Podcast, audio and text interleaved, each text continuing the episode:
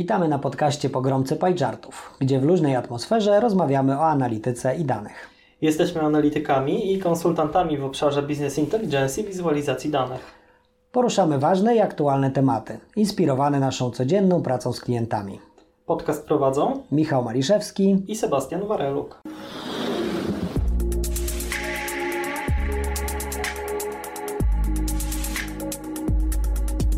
Cześć, witamy Was w kolejnym odcinku podcastu Pogromcy Pajczartów. Dzisiaj poruszymy e, dosyć często podnoszony temat związany z literaturą, e, związaną właśnie z wizualizacją danych e, oraz ze źródłami, z których możemy czerpać wiedzę, pracując w obszarze wizualizacji danych. I myślę, że na samym początku moglibyśmy zacząć od takiego, takich zupełnych podwalin związanych z osobami, które są uznawane za rodziców, a właściwie ojców wizualizacji danych. Konkretnie mam na myśli jedną konkretną osobę. E, Hansa Roslinga. Hansa Roslinga, tak. Hansa Roslinga, mm -hmm. tak. E, osobę, która e, była profesorem na kierunku International Health na Karolinska Institute. Poza tym, że Rosling był naukowcem, to był również mówcą E, i e, ma jedno bardzo, bardzo popularne wystąpienie na TEDxie. Które... Tak, że na TEDxie, na YouTubie też można to tak, znaleźć, tak? tak. Na YouTubie chyba to jest, nazywa się The Best Stats You Ever Seen, coś takiego. Chyba tak, chyba tak. Jest to prezentacja wyników badań, które Rosling wraz ze swoim zespołem przeprowadzili i zwizualizowali Konkretnie chodzi o porównanie na przestrzeni lat. E, tam jest chyba skala około, horyzont czasowy około 30 albo 40 lat. E, porównania e, oczekiwanej długości życia w momencie narodzin z dzietnością, ze tak. współczynnikiem dzietności na przestrzeni w większości krajów na świecie, bo tam mamy podział na, na kontynenty tak. i na, na kraje. Tak. I prezentacja tych wyników jest opatrzona bardzo e, charakterystycznym komentarzem Hansa Roslinga i właściwie chyba od tej prezentacji mówi się o nim jako o jednym z ojców wizualizacji danych. E, I tak na sam początek, jako właśnie taki, taki zupełny background chcieliśmy polecić tą E, tą prezentację, ponieważ to jest coś, z czym się można zdecydowanie najszybciej zapoznać, zdecydowanie szybciej niż z książkami, o których za chwilę powiemy, e, ale e, przechodząc nawet przez pierwsze 5 minut tego filmu, Um, że to cię w ogóle świetnie ogląda, bo to, się, tak. to jest jak Hans Rosling dla mnie jest takim Mm, e, performerem trochę, tak? On tam nie tylko pokazuje te statystyki, które dla e, części osób mogą się wydawać być może dość nudne, jak można oglądać o tym, o tym film, tak? Ale e, Rosling tam w pewnym momencie staje się prawie komentatorem sportowym, opowiadając to, jak ta dynamika tych danych się zmienia, tak? To jest, to jest przepiękne, uwielbiam, uwielbiam ten, ten fragment. I pokazuje to, co tak naprawdę jest istotą e, takiej e, prezentacji wizualnej danych, które no, oczywiście w formie tabelarycznej byłyby bardzo długie i, i ciężko czytelne. Natomiast tutaj e, coś, jest to coś, co na pewno warto zobaczyć i od tego E, tak, pokazujesz to podczas e, szkoleń na przykład? E, bo ja, mi się zdarza, tak? Nie zawsze mam na to czas, ale mm, czasami, kiedy jest taka grupa, którą chciałbym bardziej przekonać do, do analityki wizualnej, to uciekam się do tej prezentacji. Czasem nie pokazuję całego tego filmu, czasami pokazuję fragment. Rosling tam pięknie mówi też o statystyce, o tych odpowiedziach, które udzielają studenci i potem, które mogą udzielać szympansy, kiedy dajemy im, im banana, to jest taki... I porównuje to do odpowiedzi noblistów i wychodzi, tak. że szympansy są e, statystycznie mądrzejsze tak, od, tak. E, od, od noblistów. E, czasami pokazuje to na szkoleniach. Nie, też nie zawsze zależy, w którą stronę pójdzie ogólnie dyskusja z uczestnikami, dlatego że mamy jakiś tam core, natomiast często on oczywiście gdzieś tam się kształtuje dosyć elastycznie w zależności od tego, czego e, potrzebuje dana grupa. Czasami tak. Natomiast e, poza, poza rozlingiem e, mamy również pewien zbiór literatury, o którym, o którym warto powiedzieć. Tak, a jeszcze poczekaj, bo jeszcze chciałem o Roslingu chwilkę. Kiedy się zetknąłeś z Roslingiem pierwszy raz? Pierwszy czy to już raz... było tak, że już wiedziałeś o analityce wizualnej i dopiero później sięgnąłeś po Roslinga, czy jeszcze nie miałeś o tym pojęcia i gdzieś tam trafiłeś na niego przypadkiem? Ciekaw jestem jak... To było trochę tak, że w momencie, kiedy zacząłem się zajmować Tableau, to było bardzo zbieżne. Zacząłem się zajmować Tableau, e, brałem udział w jednym stażu, właśnie związanym z wizualizacją danych i tam się e, na jednym, na jednych z pierwszych zajęć pojawił, e, pojawił rozlink właśnie i ta, ta prezentacja. E, I dla mnie to był bardzo ważny punkt, dlatego że to było coś, co gdzieś tam koncepcyjnie w głowie zbudowało mi E, to, że to ma sens. Ta praca właśnie z mm, prezentacją wizualną e, informacji, to całe, mhm. E, ten cały slogan, że jeden obraz potrafi powiedzieć więcej niż tysiąc słów, po prostu to nagle było takie uderzenie, że tak, rzeczywiście można to zrobić i, i, i to jest jeden z najbardziej takich namacalnych i znanych przykładów na to, że rzeczywiście E, rzeczywiście tak to może działać. Mhm. Tak, to jest dlatego właśnie, dlatego mówię też o tym, że można, e, można pokazać ten film właśnie podczas jakiegoś szkolenia, czy, czy podczas jakiejś e, prezentacji, w której chcemy przekonać osoby do analityki wizualnej, e, szczególnie w Polsce, tak? Rozmawialiśmy tutaj jeszcze przed, e, przed nagraniem tego podcastu o tym, że w Polsce nadal jeszcze analityka wizualna jest, można powiedzieć, no może nie w powijakach, ale to jest jeszcze taki bardzo wczesny okres. Jeszcze mm, rozmawiając z klientami, bardzo często e, poruszaliśmy to już też zresztą, e, mówimy o tym, że właśnie nie w sposób tabelaryczny, ale w sposób wizualny powinniśmy te dane pokazywać, że to nam oszczędza czas, pozwala nam znaleźć te trendy e, dużo szybciej, czy, czy jakieś sytuacje, w których powinniśmy zareagować. Niemniej jednak cały czas czujemy podczas, podczas prezentacji czy szkoleń, że jest spora grupa nadal takich osób albo nieprzekonanych, albo takich, które zaczynają szukać e, tej czy literatury, czy, czy jakichś wzorców. No i tutaj mówiliśmy o tym, że Niestety większość tych pozycji póki co jest w języku angielskim. E, to się powoli zmienia, ale bardzo powoli, jak dla mnie dużo zbyt wolno niż, e, niż to się powinno dziać. Tak, natomiast e, mm, też właśnie jednym z powodów tego, tego podcastu, tematu tego podcastu jest to, że chcielibyśmy trochę otworzyć Wam oczy na te anglojęzyczne pozycje, ponieważ e, nawet jeżeli nie czujecie się do końca komfortowo z czytaniem treści in English, to tutaj w większości tych, tych pozycji, o których za chwilę powiemy, E, bardzo dużo można wyciągnąć z samego kontekstu, z prezentacji, z tego, jak wyglądają dashboardy, które są e, przedstawione na ilustracjach, ponieważ to są pozycje bardzo e, bogato ilustrowane. Jedna z nich tak naprawdę w ogóle nie zawiera, nie zawiera tekstu. Więc e, myślę, że kilka takich naj, e, najważniejszych pozycji. Tak, ale może zaczniemy od Stevena Few, co? Tak no myślałem sobie, że, że bo tutaj już... Bo mówiliśmy już, o e, ojcach, więc tak, jeszcze... mówiliśmy o ojcach i, i, i tutaj Steven Few, który oczywiście mm, też można znaleźć sporo takich krytycznych informacji na temat jego podejścia. No, wiadomo, to jest mm, pewna dziedzina nauki, która się rozwija. Mamy różne osoby, które też w różny sposób do tego podchodzą. Nawet my w naszym, w naszym zespole tutaj często mamy różne zdania na temat e, wizualizacji, e, czy też e, czy minimalizmu, czy bardziej właśnie pójścia w jakieś tak, tak zwane wodotryski, jak to my nazywamy czasami, tak? Więc y, to jest oczywiste, że, y, że tutaj różne zdania będą. Natomiast niezaprzeczalnym faktem jest to, że Stephen Few jest, można też powiedzieć, takim ojcem analityki wizualnej. E, I um, tytuł tej książki Information Design, e, nie pamiętam do końca tytułu, ale to zaraz sobie tutaj ustalimy.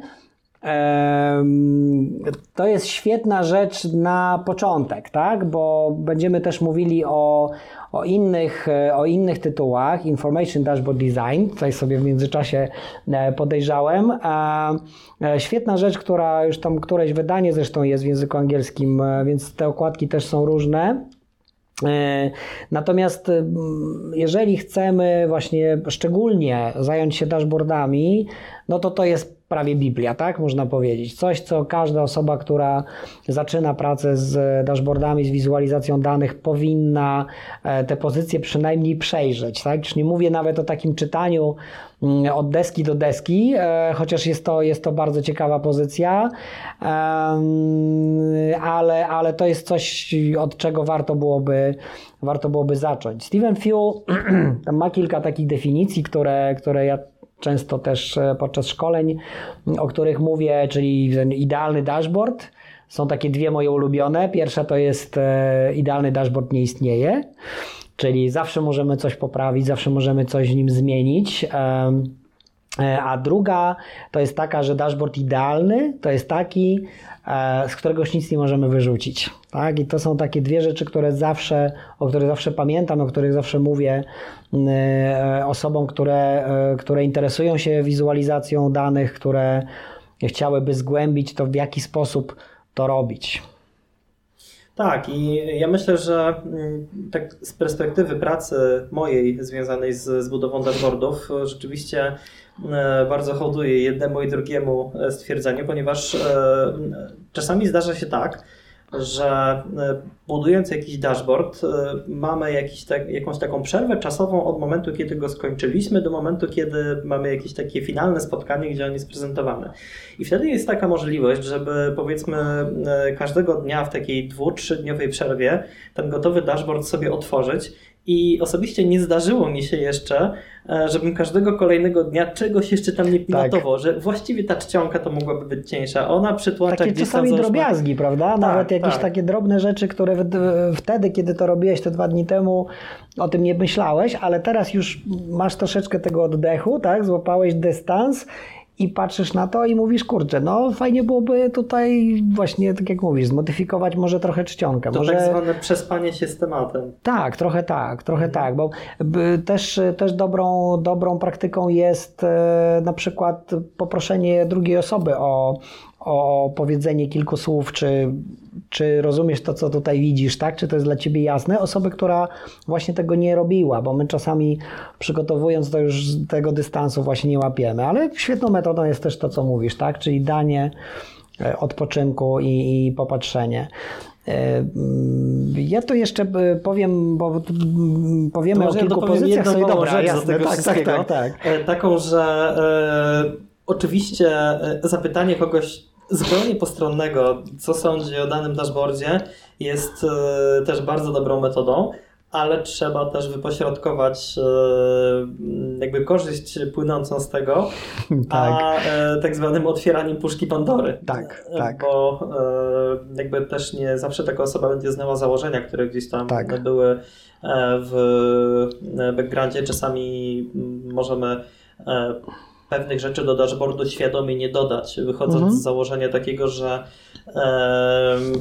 że odbiorca ma wiedzę na przykład już na ten wiedzę. temat, prawda? E, znaczy ja miałem ostatnio taki case, że e, E, klient chciał, żeby dashboardy były bardzo bogato opisane e, na zasadzie każdego praktycznie miejsca, co gdzie się znajduje i mm -hmm. co z czego wynika. Czyli coś, czego my staramy się też unikać, tak? Tak, ja w pewnym momencie doszedłem do takiego wniosku, że ok, ten opis jest rzeczywiście potrzebny, on gdzieś musi być, ale zwróćmy uwagę na to, że jakby te, te dashboardy będzie cały czas czytał jakiś jeden zespół. Mm -hmm. I na pierwszego dnia, czy powiedzmy w pierwszym tygodniu, czy w pierwszych dwóch tygodniach te opisy będą E, będą przydatne. Natomiast e, po powiedzmy dwóch miesiącach czy pół roku pracy z, z danym raportem, e, one zaczną być irytujące, dlatego że tak. będą mówiły o rzeczach oczywistych i będą zajmowały powiedzmy jedną trzecią miejsca na, na, na, ekranie. Więc jakoś tam z tego udało się wybrnąć, natomiast mhm. to jest takie właśnie szukanie E, złotego środka. Teraz mi przyszło do głowy coś takiego, czy nie powinno być, nie powinien być proces takiego maintenance'u dashboardu, że powiedzmy te e, opisy Czy nie powinny znikać po, po jakimś czasie. mhm. minimalizujemy i powiedzmy z wyświetlonych na stałe zamieniamy na jakiś taki pop-up, który można sobie przywołać, ale, mhm. e, ale to już taka wolna, wolna No myśl. tak, bo to jest, to jest trochę tak, że mm, e, według, według definicji dashboardu też, jeżeli my za bardzo musimy tłumaczyć, co tam jest, to, e, to niestety tracimy tę informację, która jest wprost, tę informację intuicyjną, tak? Bo tutaj też o tym jeszcze, jeszcze nie mówiliśmy, ale tak naprawdę my się tej analizy wizualnej nie musimy uczyć, tak? E, bazując na tych metodach gestalt, tak, i tym, co nasze oko potrafi, my właściwie intuicyjnie możemy e, to odczytać. Tutaj zadaniem naszym jest przede wszystkim właśnie prawidłowe użycie tych zasad, po to, żebyśmy mogli to, co chcemy, pokazać w taki sposób, żeby natychmiast ta informacja była widoczna. Dlatego, tak jak e, powiedziałeś o tej puszce Pandory, E, e, tak i nie. Z jednej strony tak, bo rzeczywiście możemy nagle zobaczyć, że jeszcze ileś rzeczy będziemy musieli tam być może musieli dodać, e, ale z drugiej strony jeżeli to traktujemy tylko jako pewną konsultację i e, pytamy osoby, na przykład tak jak u nas w zespole, tak? czyli drugiego e, konsultanta, który tego nie robił, ale możemy mu szybko wytłumaczyć e, co, o co chodzi, albo nawet czasami ja nawet lubię zrobić to tak, żeby właśnie ktoś nie wiedział o co chodzi, że mi powiedział, czy, czy rozumie w ogóle, co tam jest, tak? Bo wtedy my mamy y, większe prawdopodobieństwo tego, że faktycznie ten użytkownik finalny będzie wiedział więcej, więc będzie czytał to jeszcze lepiej. Natomiast jeżeli na początku już dostaniemy informację, ale w ogóle o co tutaj chodzi, co to jest, dlaczego tu są te kolory, to możemy zacząć zastanawiać, ok, być może nie do końca tutaj jeszcze dopracowaliśmy e, ten dashboard, więc tak jak mówisz, ostrożnie, ale warto taką, takiej opinii zasięgnąć. W każdym podejściu już jest dużo racji, tylko pomyślałem sobie teraz o osobach, które słuchają naszego podcastu, e, oczekując, że dostaną jakieś, jakąś receptę, jakiś wademek, gotowe rozwiązanie, a my na to drugie pytanie odpowiadamy i tak i nie. E, tak, to jest, to jest moje ulubione. To jest tak samo jak, jak rozmawiam już o optymalizacji dashboardu e, podczas konsultacji z klientem i, i klient mnie pyta, a czy mogę tak, czy mogę tak i ja zawsze mówię, no to zależy, bo nie mamy jednej gotowej recepty. To jest tyle różnych środowisk, tyle różnych sposobów prezentacji, tyle różnych użytkowników nawet, tak, i poziomu ich zaawansowania, poziomu odbioru, że no niestety nie damy jedno, jednoznacznej recepty, bo gdyby tak było, to wszystkie dashboardy wyglądałyby po prostu tak samo. E, więc e, bardziej e, chcielibyśmy powiedzieć Wam o tym, z czego my korzystamy na co dzień, z jakiej literatury, Oczywiście to nie będą wszystkie pozycje, które są dostępne e, i na pewno znajdziecie jeszcze mnóstwo e, innych. E, my powiemy o tych kilku, które, które po prostu lubimy i, i do których sięgamy. Nie na zasadzie czytania właśnie od deski do deski, tylko bardziej szukania inspiracji w danym momencie i okej, okay, to wezmę sobie na przykład Big Book of Dashboards, którą, którą przyniosłeś i i, i, i, przeglądając ją szukamy, szukamy inspiracji. To może może oddam Ci głos na tak, temat tej znaczy, pozycji. Mm, ogólnie podejście, przynajmniej moje do, do tych książek, Big Book of Dashboards, 432 strony. E, moje podejście do, tej, e, do, do, do tego typu pozycji jest takie, że e, ja staram się e, taką książkę szybko sobie przewertować e, na zasadzie takiej, żeby przeskanować ją na szybko, zobaczyć co mhm. tam jest, żeby po, będąc w potrzebie znalezienia jakiegoś rozwiązania w przyszłości, e, wiedzieć, e, gdzie szukać i wtedy mhm. skupić się na konkretnym, e, na konkretnym rozwiązaniu. Big Book of Dashboards jest bardzo fajną pozycją, jeśli chodzi zarówno o różnego rodzaju prezentacje gotowych dashboardów, jak i opisy merytoryczne związane z E, z metodologią budowy tych dashboardów, mhm. podejściem, zwraca uwagę na e, kilka fajnych, na kilka istotnych rzeczy i ja tutaj akurat zaznaczyłem sobie trzy takie miejsca, e, które są warte na pewno wspomnienia o nich. Pierwszą rzeczą to cztery. Pierwszą rzeczą jest to, że mamy tutaj też ten e, właśnie dashboard e, Hansa Roslinga. Mhm. Natomiast e, z takich konkretów, co możemy, co możemy znaleźć w Big Book of Dashboards? Na przykład rzeczą taką, która mi się bardzo spodobała jest rozdział 10, który jest zatytułowany Pokazywanie year to date i year over year w tym samym czasie. Niby to jest prosta rzecz, natomiast czasami, jeżeli pokazujemy dwie miary nieco inaczej skalowane, E, to możemy się spotkać z sytuacjami, kiedy jedna z miar będzie nam tak skalowała nasze, nasze wykresy, nasze wizualizacje, że druga będzie e, średnio zauważalna. I tutaj e, szczególnie może tak być, porównując teraz lata, rok właściwie pandemiczny do, do, do, do lat tak. poprzednich, więc temat bardzo na czasie. Więc mamy tutaj dużo fajnych opisów związanych z tym, jak jakie podejście można zastosować do e, tego typu e, problematyki. E, I ogólnie schematy większości rozdziałów wyglądają w ten sposób, że mamy opisany scenariusz od big picture przez, przez różnego rodzaju konteksty, które mogą wystąpić w, w danym problemie, tudzież oczywiście mamy przykłady wizualizacji. I to tak. jest jedna z takich e, rzeczy, która jest bardzo fajna w Czy W ogóle tutaj w tej, w tej, w tej książce masz, masz właśnie takie poszczególne scenariusze i, i te rozważania, w jaki sposób można to zaprezentować, jak, jak, jak zwizualizować i, i, i tam mamy też ten taki dział Real World Experience, tak? czyli takie już nie teoretyczne, ale zupełnie praktyczne e, sytuacje, w których zostały jakieś dashboardy zaprojektowane tak? I, i możemy je zobaczyć. To jest y, moim zdaniem, oprócz tego, że jest bardzo dużo grafik, tak, to tak w większości tych książek praktycznie, bo to jest y, analiza wizualna, ale to, co w tej książce akurat mi się bardzo podoba, to jest właśnie ten opis procesu, w jaki sposób budować, w jaki sposób znaleźć informacje o tym, jak to powinno być zrobione dla danego odbiorcy. Tak, i mamy tutaj zarówno podejście ze strony branż, ponieważ mamy tak. pokazane jakieś konkretne case, na przykład z bankowości, czy mhm. tam gdzieś widziałem marketingowe, jakieś przykłady, mhm. ale mamy też e, rozdziały, które są związane głównie z mm, takim e, szerszym spojrzeniem na, na dashboard. I tutaj dwa, dwa takie miejsca sobie zaznaczyłem. E, jedno miejsce to jest takie, gdzie Andy Kribel, o którym będziemy też wspominać, tak. pisze o dashboards with dead ends, e, to znaczy mm, ogólnie ma na myśli to, żeby zwracać uwagę w cyklu życia dashboardu, e, żeby dashboard nie był, nie był formą, która jest raz zbudowanym raportem, na który się nadbudowują kolejne dane. I ten dashboard powiedzmy w ciągu miesiąca czy dwóch miesięcy od momentu, kiedy został zbudowany, odpowiedział na jakieś pytania biznesowe, na które miał odpowiedzieć. E, powstały kolejne pytania, a ten dashboard nie, nie ewoluuje, więc to, na co tutaj Kribel zwraca uwagę, to to, żeby, e, żeby taki dashboard e, mm, cały czas rozwijać i aktualizować.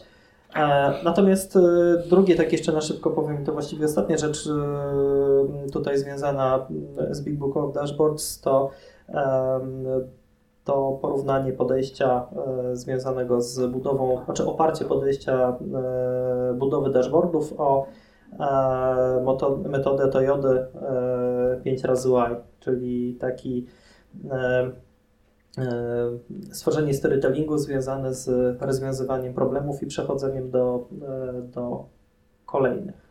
Czyli tak, czyli to jest książka, którą właściwie powinniśmy mieć na półce zawsze i w tym celu, żeby, żeby uzyskać właśnie inspirację, żeby przypomnieć sobie czasami e, o tych zasadach, przypomnieć sobie o tym procesie, bo, bo gdzieś tam wpadamy w pewną rutynę, coś robimy, może warto byłoby zajrzeć. To powiedziałeś o e, Andym Kribelu, e, czyli takiej osobowości, która właśnie z, również z Andy Codgreavem, który Big Book of Dashboards napisał, zrobili ten projekt Makeover Monday, tak? czyli ten projekt, który w internecie najpierw zaczął funkcjonować. Chodziło, to w 2016 roku chyba ruszył ten projekt, czyli mamy jakiś dashboard, który już istnieje i go poprawiamy, tak? Czyli to, o czym mówiliśmy na początku, że idealny dashboard nie istnieje.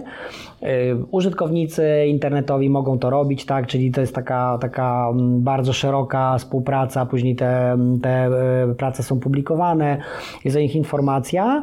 No i w którymś momencie Andy Kribel wydał też książkę, tak? Makeover Monday, która też jest świetną pozycją do, y, do użycia właśnie w, jeśli chodzi o, o dashboardy, czyli tam mamy na przykład Habits of Good Data Analyst, czyli jakby co powinieneś, w jaki sposób powinieneś pracować, o jakości danych mamy tam, o, o szczegółach, o iteracjach, o kolorze, o, o doborze właściwego wykresu. To jest też świetna pozycja, wydaje mi się, ona jest dosyć nowa i, i wydaje mi się, że też e, e, oprócz korzystania z tych internetowych zasobów Makeover Monday, to ta książka to jest też dla mnie absolutny mus na półce. Zdecydowanie tak, w połączeniu, w połączeniu z samą inicjatywą właśnie, która e, jest e, raz na tydzień wieńczona webinarem, na którym e, Andy daje feedback każdej osobie, która zdecydowała się na opublikowanie swojego dashboardu i, i zgłoszenie do do inicjatywy. Chciałem powiedzieć konkursu, ale to nie jest konkurs, to bardziej, tak. bardziej inicjatywa. Tak. Ale fajnie, że można e, poczuć się, że jest jakby live w takim procesie i, i, i um, brać w nim cyklicznie udział. E, ja bym tutaj do tego jeszcze dodał tylko jedną rzecz do, do Makeover Monday, bo to jest też temat, który się bardzo często pojawia, szczególnie kiedy zaczynamy pracować w jakiejś technologii E, związanej z wizualizacją danych albo ogólnie z analityką danych. E, nie pracujemy jeszcze w żadnej firmie, nie mamy styczności z biznesowymi case'ami. Szukamy darmowych zasobów danych, z których możemy korzystać, żeby sobie na nich ćwiczyć. I na stronie e, Makeover Monday Co UK mamy archiwalne ze wszystkich tygodni, w których tak, odbywa tak, się tak, na przestrzeni tak. teraz chyba trzech lat takie, takie małe database, z których korzystał Andy i Ewa Murray chyba też e, przy e, przy e, prowadzeniu kolejnych cotygodniowych edycji, więc do tego, z tego też warto korzystać. Tak, jak najbardziej, jak najbardziej. Co tam jeszcze przygotowałeś? Kolejna pozycja, Information is Beautiful, autorstwa Davida McCandlessa. Mam nadzieję, że dobrze powiedziałem. Tak, my w, Natomiast... później w komentarzach damy, damy tytuły mm, i autorów tych, tych pozycji, tak żebyście mogli później sobie te książki wyszukać. I, i, czy to nabyć, czy, czy popatrzeć. Ja też powiem, że mm, warto, warto zerknąć na Humble Bundle, na takiej stronie. Czasami pojawiają się oferty książek związanych z wizualizacją danych w e-bookach. E, które też bardzo fajnie się czyta i, i, warto też z nich korzystać. No oczywiście, tak jak mówię, głównie w języku angielskim. A, tak, to przerwałem Ci to, może powiedz Ale, o... Okej, okay, bo właśnie to, tak? a propos języka angielskiego, jeżeli ktoś się e, totalnie nie czuje e, na siłach, to właśnie Information is Beautiful jest bardzo fajną książką, z której też można dużo wyciągnąć, zainspirować się, a tekstu E, książka nie jest za wiele. 200, ponad 250 stron. E, tekst ogranicza się w tej książce do spisu treści i wstępu, który jest pisany czcionką, chyba nie wiem, jakąś osiemnastką. Ogromną, tak. Ogromną, a reszta to są, e, to są same dashboardy i wizualizacje. I kurczę, ja mam pewien zgryz z tą książką, dlatego że My, oczywiście najciekawsze są o seksie i narkotykach e, i alkoholu, ale nie możemy tutaj za bardzo wchodzić w tematykę taką, która byłaby E, kontrowersyjny, jakkolwiek nie dając możliwości wypowiedzenia się również e, naszemu coraz szerszemu audytorium. Natomiast bardzo fajnie są prezentowane wizualizacje i tutaj akurat Michał mogę Ci pokazać. Jest e, coś, co znamy jako Trimapa. Tak. I to jest, opisując Wam, ponieważ nie mamy akurat w tej formie, w tej formie podcastowej możliwości E, pokazania czegoś do kamery. W każdym razie e, wielkość prostokątu na takim dużym zbiorze prostokątów mówi o e, ilości miliardów dolarów wydanych na różne, na różne rzeczy. I tutaj mamy na przykład Walmart Revenue, mamy Wall Street Revenue, mamy wydatki na Medicare i Medicaid per year, czyli rzeczy związane z opieką zdrowotną w, w Stanach. I tego typu elementów jest tutaj, ja wiem, około 30 na dwóch stronach, a po przewróceniu kartki na drugą stronę mamy całe dwie strony, jeden wielki e, prostokąt mówiący o worldwide cost of the financial crisis. Tak, to jest, to, to jest coś, co e, ostatnio też widziałem właśnie takie prezentacje dotyczące na przykład e, e, bogactwa tych najbogatszych ludzi, takich jak Jeff Bezos na przykład.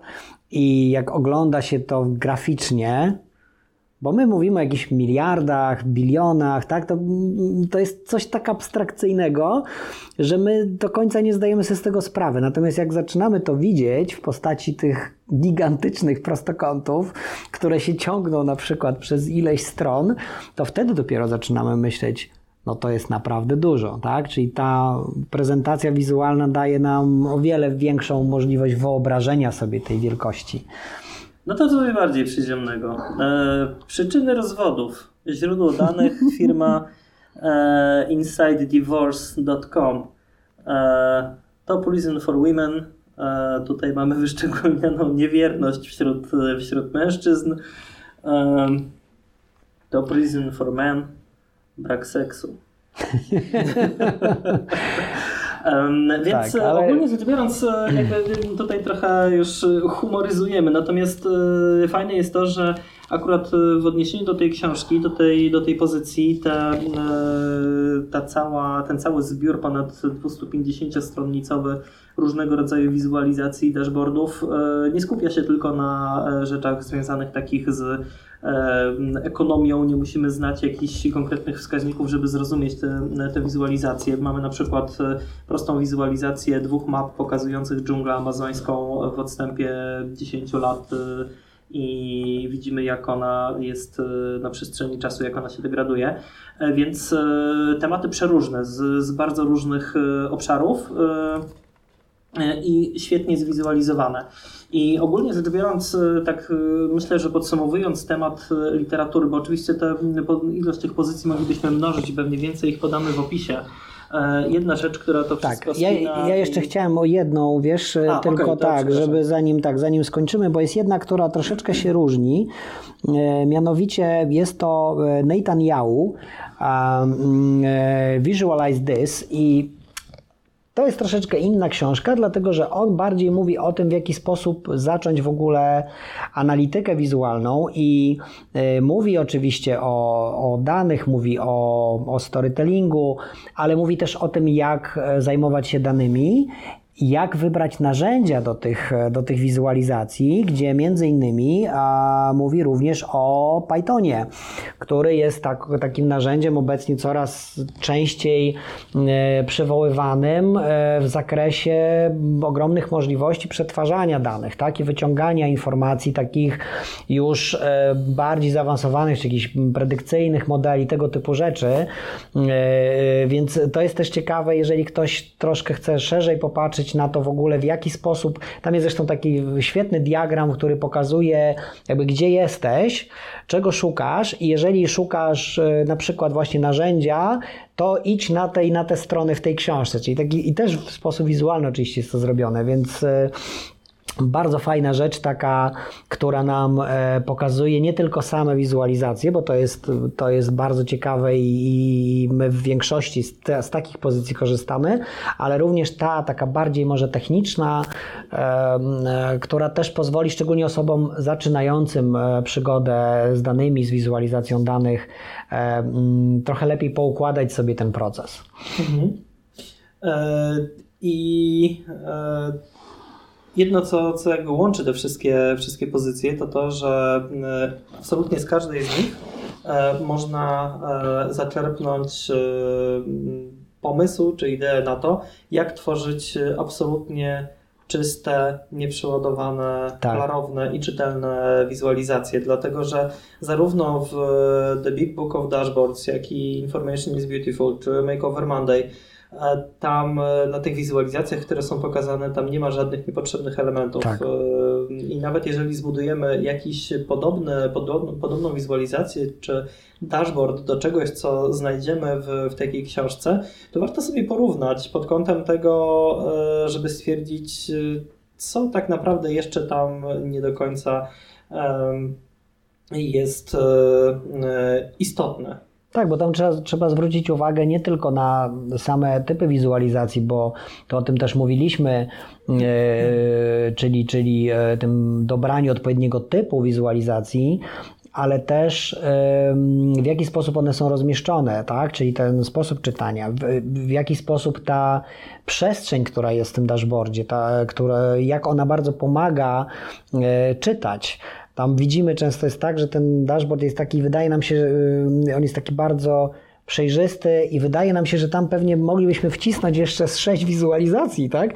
Tylko pytanie właśnie, ktoś tego nie zrobił, tak? I wtedy, kiedy porównamy sobie to, co zrobiliśmy, to możemy zobaczyć, ok, może pomyślmy jeszcze o tej przestrzeni, tak? Może pomyślmy może o, o czcionkach tutaj, tak? Pomyślmy o kolorystyce, to są strasznie ważne rzeczy, bo y, y, im bardziej, jak ja nawet patrzę po sobie, im bardziej e, e, zbieram doświadczenie, jeśli chodzi o te wizualizacje, tym więcej też widzę w takim życiu codziennym, tak? Takich rzeczy, gdzie, gdzie właśnie jakieś przeładowanie kolorami. Ja śmieję się, bo teraz, teraz mam remont w domu i, i dobieramy różne rzeczy kolorystycznie i ja teraz kompletnie inaczej na to patrzę, tak? Jakby, że o nie, tu trzeci kolor to już za dużo.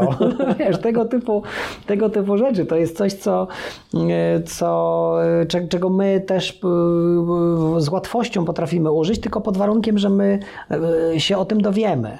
Jeżeli się o tym nie dowiemy, tak jak ja dowiedziałem się o Hansie Roslingu dopiero kiedy, kiedy zacząłem się bardziej zajmować e, e, narzędziem do wizualizacji danych. Wcześniej pracując na, na, czy na Excelu, czy, czy na innych tego typu narzędziach, które do wizualizacji nie do końca służą, e, niestety szedłem w kierunku tych złych wizualizacji, no bo takie miałem narzędzia, tak?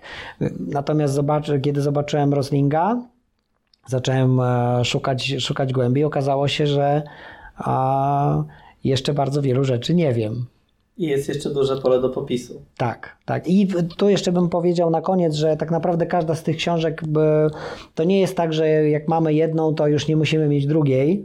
Warto jest tych książek mieć przynajmniej kilka, żeby też móc na różne sposoby, z różnych e, kątów, od różnych autorów też popatrzeć na to, w jaki sposób oni podchodzą do wizualizacji. Zdecydowanie tak. E, I e, myślę, że ten wątek e, bibliograficzny, po omówieniu takich naj, najciekawszych z naszej perspektywy książek, możemy na tym zakończyć. Pełna lista będzie dostępna w opisie naszego tak. podcastu. E, natomiast może jeszcze dwa słowa ogólnie o zasobach, e, bo ja bym tutaj wtrącił jeszcze dosłownie dwa zdania związane mhm. z tym, e, bo zakończyłeś pozycją taką bardziej już techniczną. Tak. Pod kątem Tableau, ale nie tylko Tableau, Warto zwrócić uwagę na portal Tableau Public, tam gdzie możemy znaleźć różnego rodzaju, różnego rodzaju wizualizacje, różnego rodzaju dashboardy, ale też są tam treści, które publikują osoby, które na przykład pokazują e, mechanikę działania różnych rzeczy, na przykład jak budować różnego rodzaju e, KPI, -e, mhm. czy to związane właśnie z dynamiką w czasie, czy różnego rodzaju mechanizmy które. E, tak, mogą... i on jest ogólnodostępny, mimo tego, że, że tutaj tak, formuje tak. go tablo, on tak naprawdę jest, jest ogólnodostępny. Tak, i można sobie taki, taki e, dashboard, czy też taką wizualizację pobrać, nawet bazując na darmowej wersji Tableau E, pod kątem nawet samego podejrzenia kalkulacji, jak, e, jak wygląda taka mechanika, jak ona powinna działać, jak powinniśmy liczyć e, różnego rodzaju kalkulacje, czy to jakieś year to date, czy, czy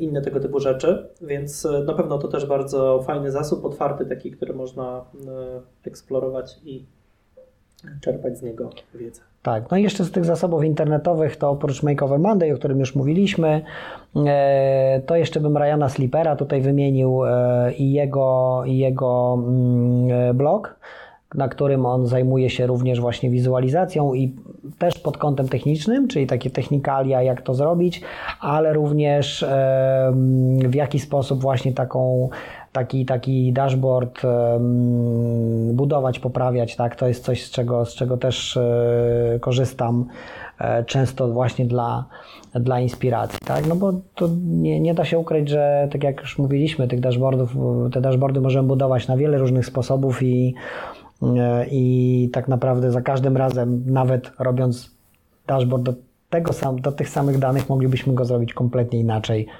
za pół roku. Zdecydowanie tak. Nie wiem, czy ty też masz takie wrażenie, że mimo to, że musimy już kończyć, że tak naprawdę się tylko prześlizgnęliśmy po tym temacie. Nie no, dopiero się rozgrzałem właściwie i, i, tak. I, e, no cóż, myślę, że możemy pomyśleć o jakimś kolejnym odcinku, może o literaturze e, wizualnej za jakiś czas. E, jakieś nowe pozycje, które albo te, których już nie zdążyliśmy tutaj omówić szerzej. Mm, dajcie nam informacje może w komentarzach e, o czym, e, o, czy chcielibyście mm, posłuchać o jakichś książkach, o jakiejś literaturze, albo szukacie mm, czegoś nie możecie znaleźć, bardzo chętnie pomożemy. Być może zainspirujemy się i jakiś kolejny odcinek w takiej tematyce się pojawi. I dziękujemy za, za dotychczasowy feedback. Bardzo tak. fajnie, że pojawiło się. Tak, e, jak najbardziej. E, Cieszymy się, że nas słuchacie. To bardzo budujące. tak. E, to co, chyba na dzisiaj już kończyć. Na, tak dzisiaj, jest. na dzisiaj to wszystko. Dziękujemy za uwagę i do usłyszenia w kolejnym odcinku. odcinku.